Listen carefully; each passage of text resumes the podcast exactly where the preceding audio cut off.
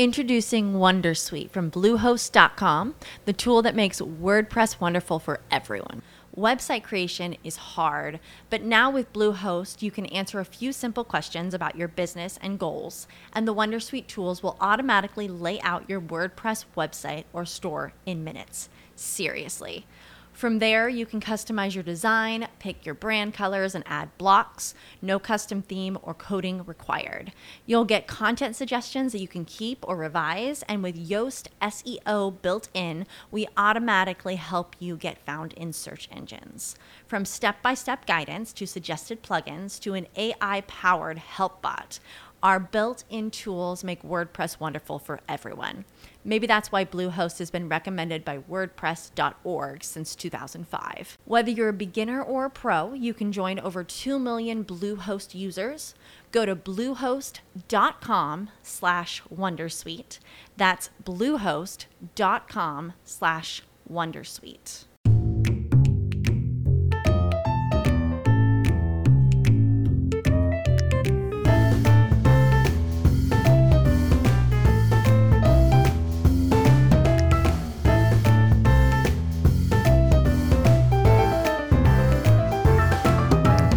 Cześć, witam Was serdecznie w kolejnym odcinku mojego podcastu Opór jest daremny, nadchodzi AI. Sztuczna inteligencja nierozerwalnie łączona jest z robotami. Roz, e, z robotami, z czymś na podobieństwo człowieka, czy też maszynami, które myślą i coś sterują. E, bez wątpienia jest to kierunek, do którego wszyscy dążą, ale może nie w tej wizji hollywoodzkiej, którą tak naprawdę my wszyscy kojarzymy i tak naprawdę z nią utożsamiamy tą sztuczną inteligencję. Filmów związanych ze sztuczną inteligencją i z wykorzystującą roboty jest bardzo dużo. E, od takich bardzo fantastycznych, jak nie wiem, chociażby Star Wars, gdzie tak naprawdę e, wszystko się dzieje w, z myślącymi, chodzącymi stworami różnego rodzaju, po tak naprawdę te, które mieszają naszą rzeczywistość z występującymi robotami. I tutaj jest takich e, ważnych, które na pewno wpłynęły na naszą wyobraźnię, przynajmniej części z, z Was, to chociażby będzie Terminator. Terminator, którym tak naprawdę mamy kilka postaci związanych z, z robotami. Są to postacie, które w zależności od części były bardziej pozytywne, bardziej negatywne. Mamy tego Terminatora, który tak naprawdę przenosi się w czasie, żeby zabić jakiegoś człowieka, ale mamy tak naprawdę jeszcze Skynet. Skynet, który jest tym elementem planującym coś bardzo strasznego, czyli eksterminację ludzkości, zniszczenie człowieka. To jest jego, jego cel nadrzędny. I w tym celu chce zniszczyć to, żeby nie doszło do takiej sytuacji, żeby ten Skynet mógł przegrać. Kolejna rzecz, y, chociażby Ja Robot albo y, superkomputer y, występujący w filmie Kosmicznej Odysei 2001 Kosmicznej Odysei, komputer HAL. Film stworzony przez Clarka i Stanleya Kubricka o tyle był specyficzny, że jako konsultant techniczny do tego filmu był zaproszony bardzo ważna postać, profesor z Uniwersytetu MITA, e, autor książki The Society of Mind z 1986 roku, e, jeden z większych działaczy sztucznej inteligencji, inteligencji na e, świecie akademickim, niejaki Marvin Miński. To on był konsultantem merytorycznym i on tak naprawdę w ten film wrzucił, w, tego, w ten komputer, ten superkomputer HAL, wrzucił wizje, marzenia, pragnienia tak naprawdę naukowców z tamtych czasów. Część z tych rzeczy ten komputer pokazał te, które po latach udało się zrealizować. Część oczywiście była na tyle abstrakcyjna, że nigdy najprawdopodobniej nie będą zrealizowane. Ale tak naprawdę wyglądały początki e, tego kina. Jak popatrzymy sobie na inne firmy, filmy chociażby Ex Machine. Ex Machine, mm, bardzo ważny też film w, w obszarze związanym ze sztuczną inteligencją. Film, który tak naprawdę pokazuje tego robota troszeczkę inaczej. Nie dosyć, że tam pojawia się wątek w ogóle człowieka, twórcy, który buduje coś na podobieństwo Boga i nawet w ten sposób się do tego porównuje i on robi taki, takiego stwora, e, nazwijmy to maszynę do, na podobieństwo właśnie człowieka, czując się przy tym takim stwórcą. Mamy tam wątek testu Turinga, który jest niedoskonały, do którego się tak naprawdę można w cudzysłowie przygotować, czy też tą maszynę można przygotować. I mamy tam wątek właśnie tych maszyn, które się pojawiają. Maszyn, które zostały bardzo mocno animizowane.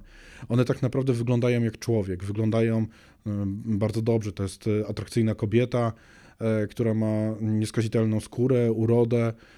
Tak naprawdę e, osoba, która powoduje to, że nawet ten człowiek, który mają testować, w jakimś tam stopniu zaczyna darzyć ją emocjami. To wszystko powoduje to, że, e, że to jeszcze bardziej wygląda tak strasznie z perspektywy człowieka i relacji człowiek-maszyna. Autorzy tego filmu pięknie zaadresowali największe problemy związane tak naprawdę z wizją budowania robotów, budowania maszyn inteligentnych, e, maszyn myślących. Biorąc pod uwagę pierwszą rzecz, to, że ta maszyna potrafiła się w sposób uniwersalny wszystkiego nauczyć. Z danych, z wyszukiwarek była w stanie nauczyć się wszystkiego, nawet rozpoznawać mimiki człowieka, e, który mogła przez to rozpoznać, czy on kłamie, czy nie kłamie. Była kreatywna, potrafiła rysować. Też rzecz bardzo kwestionowana przez naukowców, czy tak naprawdę my jesteśmy w stanie nauczyć maszynę kreatywności. Kolejna rzecz bardzo ważna, ta maszyna miała pełne poczucie bytu, poczucie osobliwości, świadomości, świadomości istnienia, miała swoje doznania subiektywne, potrafiła odczuwać to, że ma płeć i że ta płeć, tą płcią, cechami z tym związanymi była w stanie odreagowywać, działać jakoś też na, e, na, na tego człowieka i wykorzystywała to w sposób w jakimś tam stopniu świadomy. Co jest kolejną rzeczą kwestionowaną przez właściwie świat nauki, że my spodziewamy się, że nie będzie takiego związku maszyny z ciałem, jak jest to człowiek. My, jako ludzie, jesteśmy bardzo mocno powiązani. Ciało i myślenie jest tak naprawdę jakąś tam jednością. Z perspektywy maszyny, ta świadomość bycia tej postaci versus maszyna, ona nie, nie byłaby tak wyobrażalna, jak tutaj to zostało przedstawione w tym filmie. Kolejna rzecz bardzo ważna to jest to, że ta maszyna potrafiła stawiać sobie cele, cele takie, do których dążyła, mieć jakieś tam zamiary, czyli tak naprawdę e, realizować swój kierunek, który tak naprawdę e, jakimś celem było. To jest rzecz taka, którą się spodziewamy, że maszyny nie będą potrafiły stawiać sobie celów, kierunków dążenia i tak naprawdę w tym kierunku iść. To będzie, e, to jest taka rzecz, która jakby przeczy temu, co spodziewamy się, że te maszyny mogłyby realizować. I bardzo ważny ostatni element, te maszyna potrafiła z innymi maszynami kooperować. To są elementy, które no, są przypisywane raczej jako cechy ludzkie nie spodziewamy się, żeby maszyny mogły w ten sposób e, realizować to. W ogóle jakbyśmy chcieli nazywać te maszyny. Oczywiście to pojęcie robot, do którego jeszcze za chwileczkę przyjdę, bo ono jest w sumie z XX wieku. Wcześniej na to mówiliśmy troszeczkę inaczej. Mówiliśmy najczęściej android. Android od starogreckiego języka andro to jest człowiek albo bardziej mężczyzna, id to jest kształt i wygląd, stąd się pojawiło android czyli takie powiedzenie, że coś jest na podobieństwo mężczyzny, na kształt, na wygląd mężczyzny.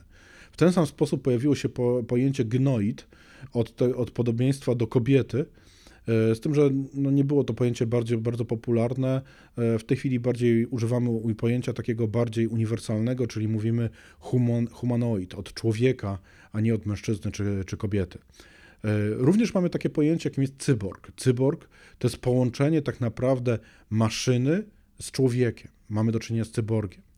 Co jest bardzo ważne, no powstała taka nauka, nauka, która się nazywa cybernetyka. Jednym z takich ojców czy twórców tej cybernetyki z całą pewnością był e, no, wielki e, naukowiec, filozof, e, niejaki Norbert Wiener, który w 1000, bodajże 1948 roku chyba napisał taką ważną książkę Cybernetyka, czyli komunikacja i sterowanie w zwierzęciu i maszynie ta książka oraz książka następna, która e, w języku polskim jej tytuł był Cybernetyka i społeczność, to są książki, które bardzo pokazują samą genezę cybernetyki, sterowania i kontroli nad maszynami, i co jest bardzo ważne, zagrożenia, które on już wtedy widział w urządzeniach, które będziemy tutaj używać. Oczywiście wątek cybernetyki i tych podejść, tych zagrożeń, które wynikają bezpośrednio z tej, szczególnie z tej drugiej książki, Ceki, chciałbym oddzielnie o tym w ogóle porozmawiać z Państwem, bo to jest mega kontrowersyjne i ciekawe pojęcie, które tak naprawdę ma swoich zwolenników i przeciwników, jeśli chodzi o wielkich myślicieli tego świata. Y, to on właśnie pokazał nam to, że my musimy maszyny traktować jako narzędzia, i jako narzędzia z nimi postępować. My bardzo często w tej chwili, właśnie tak jak widzimy chociażby w tych filmach, zaczynamy te narzędzia traktować jako, by, jako byty niezależne, jako byty równe sobie. Chociażby w tym filmie, o którym mów, mówiłem, mamy do czynienia z takim uczłowieczeniem tego, tej maszyny do tego stopnia, że my zaczynamy ją traktować też w sposób jakiś, powiedzmy to, emocjonalny.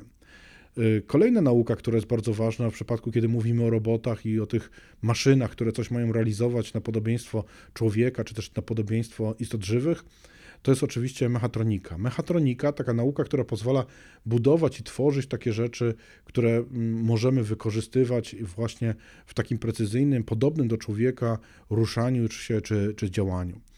E, wracając jeszcze na chwilę do e, Norberta Wienera, on napisał jeszcze w 1964 roku taką książkę God and Golem. E, Golem to jest taka postać mityczna, która tak naprawdę została sztucznie stworzona z materii i ożywiona poprzez magię. Tą analogię bardzo często my wyobrażamy sobie właśnie w robotach, w maszynach, a przynajmniej myśliciele, myśliciele czy wizjonerzy, w którą stronę te maszyny zmierzają. E, z tym, że oczywiście w tej chwili materia to jest coś, do czego dążymy, żeby ona była na podobieństwo może człowieka, a magia to jest właśnie ta, e, to, to coś myślące, te komputery, te algorytmy w jakiś tam sposób wykonywane, chociażby właśnie w, w rozumieniu takim obecnym komputerowym. E, kolejnym bardzo ważną postacią w rozwoju tak naprawdę robotów i podejścia do robotów był współtwórca fantastyki naukowej Isaac Asimov. Isaac Asimov e, powiedział taką tezę, czy też bardziej takie twierdzenie, e, które, które zostało nazwane kompleksem Frankensteina.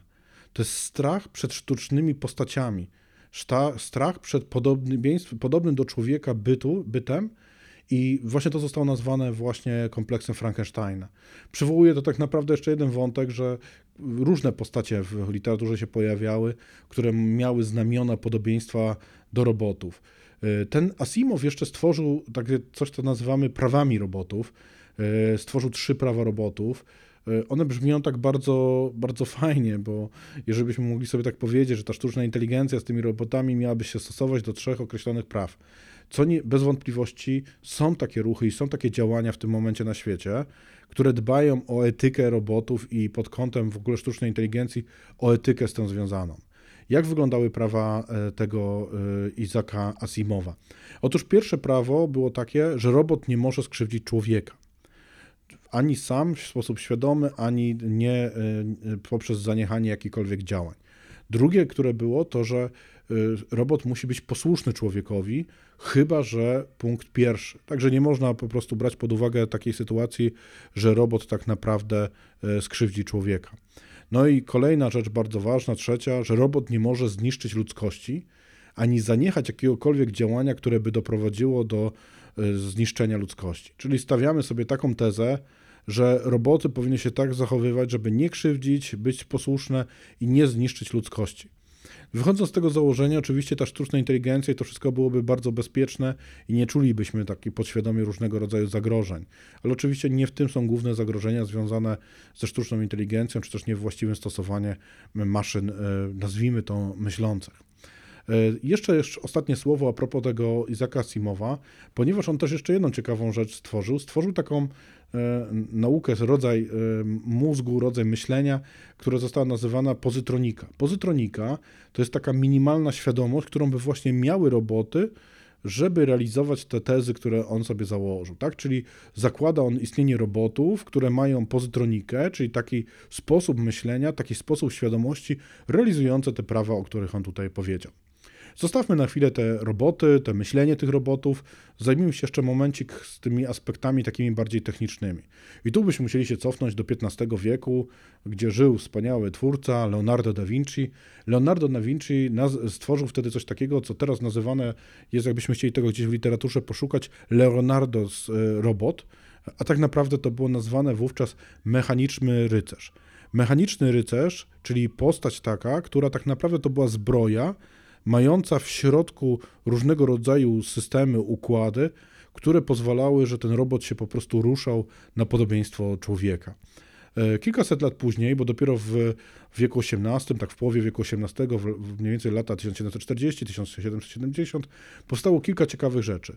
Pierwszym, którym, o którym warto wspomnieć, to jest e, Jacques de e, który stworzył mechaniczną kaczkę. Co to była mechaniczna kaczka? Coś metalowego, które tak naprawdę zachowywało się na podobieństwo żywej kaczki.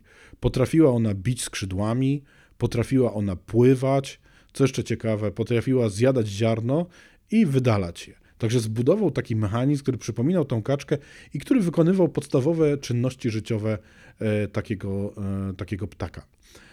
w, kilkadziesiąt lat później powstał mechaniczny turek. Mechaniczny turek, który był stworzony przez Wolfganga, Wolfganga Kramera, nie, Kemp, Wolfganga Kempelana, przepraszam, von Kempelana, to był mechaniczny Turek, był dosyć fajną postacią. To był taki człowiek, Turek, siedzący przy stole, który potrafił grać w szachy. E, potrafił grać w szachy, brzmi oczywiście troszeczkę zagadkowo, ale grali z nim w szachy faktycznie największe postacie, bo grał z, nich, z nim w szachy Napoleon Bonaparte, Charles Babbage, który jest uważany za, twórca, e, za twórcę komputerów, Benjamin Franklin. Także znane postacie tak naprawdę z nim grały, część z nich wygrywała, część z nich przegrywała. Na czym polega cała niespodzianka e, tego urządzenia? Otóż rzeczywiście to było pewnego rodzaju oszustwo. Wewnątrz tego mechanicznego turka siedział gra, gracz w szachy i on tak naprawdę przy użyciu pewnego rodzaju dźwigni powodował to, że ten turek przesuwał odpowiednio figury na, na tarczy na planszy. To było dosyć ciekawe, fajnie to wygląda, jak możemy sobie pooglądać w internecie, ale to aż tak, aż tak wielkiej inteligencji w sobie nie miało. Ale oczywiście to jest to, co ja mówię. Najpierw musieliśmy osiągnąć pewien stan ruchu i odzwierciedlenia tej postaci ludzkiej właśnie w mechanicznych elementach, a potem mogliśmy mówić o czymśkolwiek innym. E, kolejnym takim ważnym, ważnym człowiekiem, który stworzył fajne rzeczy wraz ze swoimi synami, on to tworzył, to był zegarmistrz ze Szwajcarii, Pierre Jacques Droz. E, on tworzył androidy. Takie najbardziej znane to był android muzykant, pisarz i rysownik.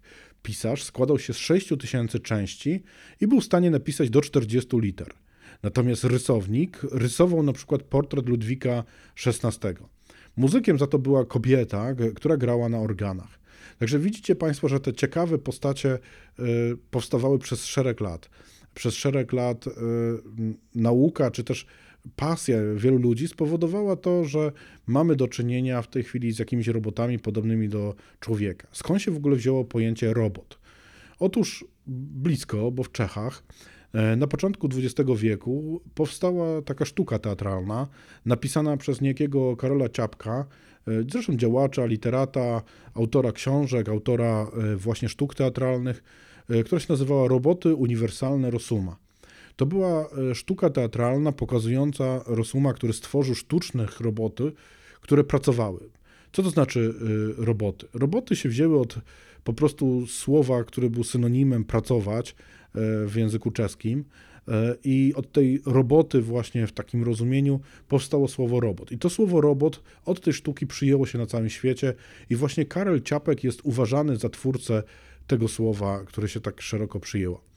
Oczywiście się okazało później, że tak jak Karel Ciapek to e, przyznał sam, że to nie on jest twórcą tej, e, tego słowa, tylko jego brat Józef, który był malarzem, e, ponoć bardzo dobrym malarzem. On był bardzo dużym przeciwnikiem też nazist, nazistów, walczył bardzo z Hitlerem w rozumieniu takim propagandowym.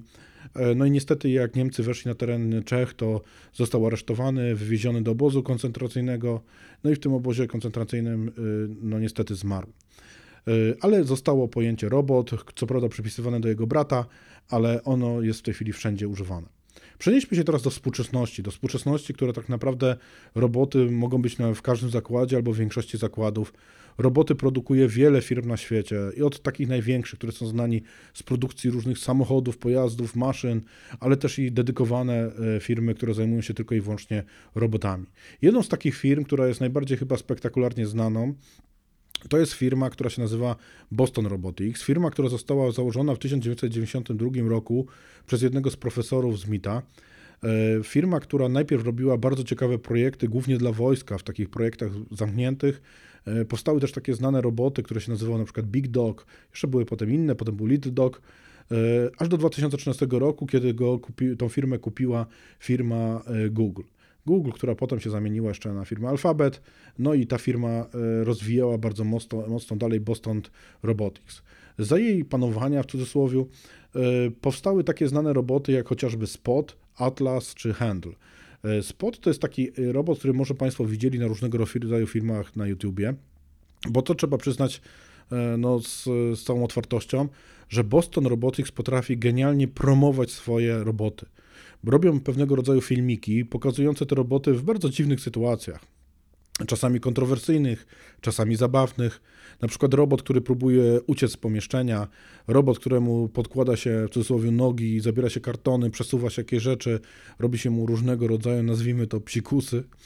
E, to są roboty, które no nie do tego są tak naprawdę stworzone, ale to, że w, ten, w takich dziwnych sytuacjach one są stawiane i potrafią coś robić, na przykład robot biegnący, wskakujący na przeszkody, robiący salto w powietrzu i łapiący równowagę, robot Atlas, który w zależności od wersji ma od 1,50 m do 1,80 m wzrostu y, i około 100-120, nawet do 150 kg wagi, potrafi złapać tą równowagę, zrobić salto w powietrzu, to już naprawdę jest niesamowity moment od strony y, elektroniki, mechatroniki i w ogóle całej tej mechaniki, która tam występuje. Wspomniany robot Atlas ma 28 y, miejsc hydraulicznych, które mogą się zginać i mogą się w różne sposoby ruszać. W ostatnim czasie wyszedł taki nawet fajny filmik, którym te roboty tańczą. Oczywiście one, one tańczą akurat e, do piosenki Do You Love Me, ale mm, to, że akurat to jest Do You Love Me, to specjalnie znaczenia nie ma, bo te roboty nie tańczą w rozumieniu ludzkim, czyli słysząc jakiś rytm, słysząc jakieś, jakieś emocje, budując jakieś emocje, zaczynają się ruszać. Nie, one mają po prostu zaprogramowany bardzo fajny ruch, gdzie one fajnie wyglądają, tańczą najpierw atlasy, potem wjeżdżają spoty i tańczą bardzo fajnie, e, potem właśnie wchodzą te spoty, bo one mają takie nogi jak psy e, i potem wchodzą właśnie, wjeżdżają bardziej handle, które się zaczynają ruszać. E, spot i handle to jest tak naprawdę jeszcze jeden trzeci kolega z, z oferty firmy Boston Robotics to są tak naprawdę roboty logistyczne. Najtańszy z nich bodajże kosztuje 75 tysięcy dolarów, także nie jest to tania zabawka, ale one mogą różne ciekawe rzeczy właśnie realizować. E, no i patrząc na to, e, Boston Robotics dalej się troszkę zmieniał, potem w 2017 roku kupił ich SoftBank od Alphabeta, w 2020 znowuż większość akcji została odsprzedanej firmie Hyundai. Z takich ciekawych rzeczy Spot też został zamieniony na Zeusa i jest częścią właśnie projektu SpaceX, który tak naprawdę mm, wykorzystuje też tego robota w swoich działaniach, nazwijmy to kosmicznych. Roboty w logistyce, roboty w zastosowaniach biznesowych, w przemyśle, naprawdę ich jest bardzo dużo. O tym na pewno poopowiadam więcej przy jakiejś innej okazji, bo zastosowaniach w biznesie robotów jest bardzo dużo. Czy te roboty jeszcze mają sztuczną inteligencję, czy nie, to jest kwestia tylko i wyłącznie naszego dozownictwa. Jeżeli one potrafią analizować obraz, analizować różnego rodzaju sygnały, wyciągać z nich jakieś wnioski, to jest to na pewno jakiegoś rodzaju tak zwana słaba sztuczna inteligencja, dedykowana, jakaś sztuczna inteligencja, która jakieś pewne czynności potrafi zrobić. Część tych robotów ma zaprogramowane po prostu jakieś działania bardziej tak warunkowo, ale to jest na pewno podwalina tego, o czym tak naprawdę mówimy. E, roboty mogą mieć też wszelkiego rodzaju zastosowania w wojsku czy w przemyśle innego typu, bo to mogą, robotami mogą być na przykład takie pojazdy, e, to mogą być roboty, które na przykład e, służą do, przez saperów używane do rozbrojenia bomby albo mogą być takie, które są używane jako patrole, żeby bezpieczniej było na przykład na froncie czy w jakichś takich sytuacjach. E, roboty mogą być wykorzystywane do testów i monitorowania trudno dostępnych miejsc, nie wiem, jakieś studnie, rurociągi, jakieś tego typu rzeczy z perspektywy e, takiego działania. Także zastosowań do robotów jest naprawdę bardzo dużo i bardzo dużo można o nich mówić. Oczywiście to mówię, teraz wspominałem o samych robotach, które w taki sposób materialny mają tą postać mechaniczną czy mechatroniczną, z którą mamy do czynienia, ale roboty też mogą być tak naprawdę informatyczne, takie zwykłe, software'owe, programowe.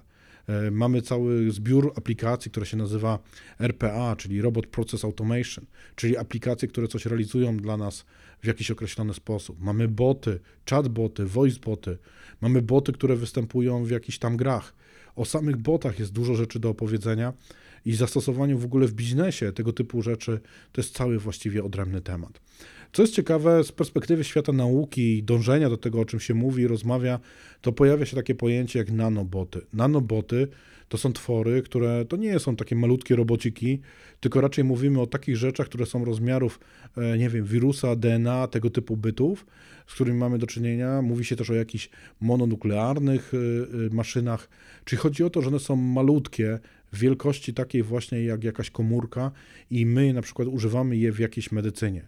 Czyli umiemy sobie wyobrazić takiego nanobota, który coś wewnątrz naszego organizmu naprawia, czy jakieś takie działania ma. Oczywiście to na razie brzmi jako e, całkowita fantazja i wyobraźnia, ale popatrzmy, jak mocno zmieniła się technologia w ostatnich 100 latach Jeszcze 100 lat temu nie mieliśmy komputerów. Jeszcze 100 lat temu y, wyobrażaliśmy bardziej sobie taki, taki komputer. 100, y, jakieś 70 lat temu powstawały te pierwsze komputery, które ich były tam 2-3 na świecie w tym momencie. W tym momencie, kiedy my żyjemy, mamy kilka miliardów tak naprawdę smartfonów, nie licząc jeszcze komputerów, superkomputerów i wszelkiego rodzaju urządzeń wykorzystujących tak naprawdę procesory E, tutaj chociażby wspomnę o pralkach czy tego typu urządzeniach w gospodarstwie domowym. Także czy będą te nanoroboty w najbliższym czasie, czy nie, ciężko powiedzieć, ale nie możemy lekceważyć, że ten kierunek e, będzie się też rozwijać i ten kierunek faktycznie może pomóc nam, e, przynajmniej ja sobie robię jakieś nadzieje, że lepiej może wyglądać jakaś medycyna, kiedy właśnie takie nano urządzenia będą mogły działać. Kiedyś to było też nie, nierealne dla nas, że mogliśmy na przykład serce naprawić poprzez jakieś mikroelementy mechaniczne, które przez żyły wpuszczamy, no to też sobie możemy teraz wyobrazić, że za jakiś czas to będą właśnie takie małe urządzonka, które są takich e, no, mikroskopijnych, to jest mało powiedziane, bo mówimy tutaj o nanotechnologiach. Kolejna rzecz, bardzo ważna, która się znowuż pojawia bardziej w aspektach takich społeczno-socjologicznych, e, pojawiła się taka nauka, czy bardziej podejście, które jest nazywane antrobotyka. Co to jest antrobotyka? Antrobotyka to jest takie holistyczne podejście, które mówi o tym, że nie ma ludzkich społeczności bez tych technologii, algorytmów, protokołów, urządzeń, tego wszystkiego, co nas otacza. Także my możemy powiedzieć, że jesteśmy antrobotami. Także nie jesteśmy tak naprawdę robotami, ale już nie jesteśmy takimi ludźmi w takim rozumieniu społecznym, jak to wyglądało ileś dziesiąt lat temu, kiedy nie byliśmy tak mocno uzależnieni od technologii, kiedy ta technologia tak mocno była w naszym, w naszym rozumieniu, w naszym życiu codziennym. Bardzo ważne tematy, które płyną tak naprawdę z tego e, dzisiejszego spotkania dla Was, tego, co opowiadam tutaj o tych robotach, o tym, jak to tak naprawdę, jaki ma związek ze sztuczną inteligencją, to jest cały wątek, e, moim zdaniem, fascynujący świadomości, zrozumienie tego, czym jest ta świadomość, bo bez niej tak naprawdę nie ocenimy, czy coś myśli, czy coś jest inteligentne. Jak my nie rozumiemy, czym jest ta świadomość, czym jest osobliwość, jak definiujemy kreatywność, co oznacza, że ktoś jest kreatywny, czy kreatywny, czy innowacyjny, y, jak to działa maszyna, jak człowiek, jeśli chodzi o właśnie chociażby stawianie celu, y, zbudowanie tych własnych potrzeb, te aspekty około społeczno, y, społeczne, ale też tak naprawdę wynikające z kognitywistyki, z badania tego, jak to wygląda to myślenie, są moim zdaniem też bardzo fascynujące i fajne, żebyśmy sobie o nich chociażby chwilę podyskutowali. Pewnie odpowiedzi na nie nie znajdziemy, ale przynajmniej będziemy mieli chwilę e, satysfakcji, zagłębienia się w, e, w takie ciekawe tematy. Dzięki, że wysłuchaliście mojego kolejnego odcinka podcastu. Tyle w dzisiejszym odcinku. Zachęcam do śledzenia na portalach streamingowych, gdzie e, pojawiają się kolejne odcinki, e, ewentualnie na stronę na Facebooku, gdzie no, też informuję o nowościach, o takich rzeczach, które tego podcastu dotyczą. Zachęcam również do jakichś dyskusji, e, sugerowania jakichś tematów, które warto by było wyrazić w następnych odcinkach. I cóż, do usłyszenia, do kolejnego razu. Dzięki, cześć.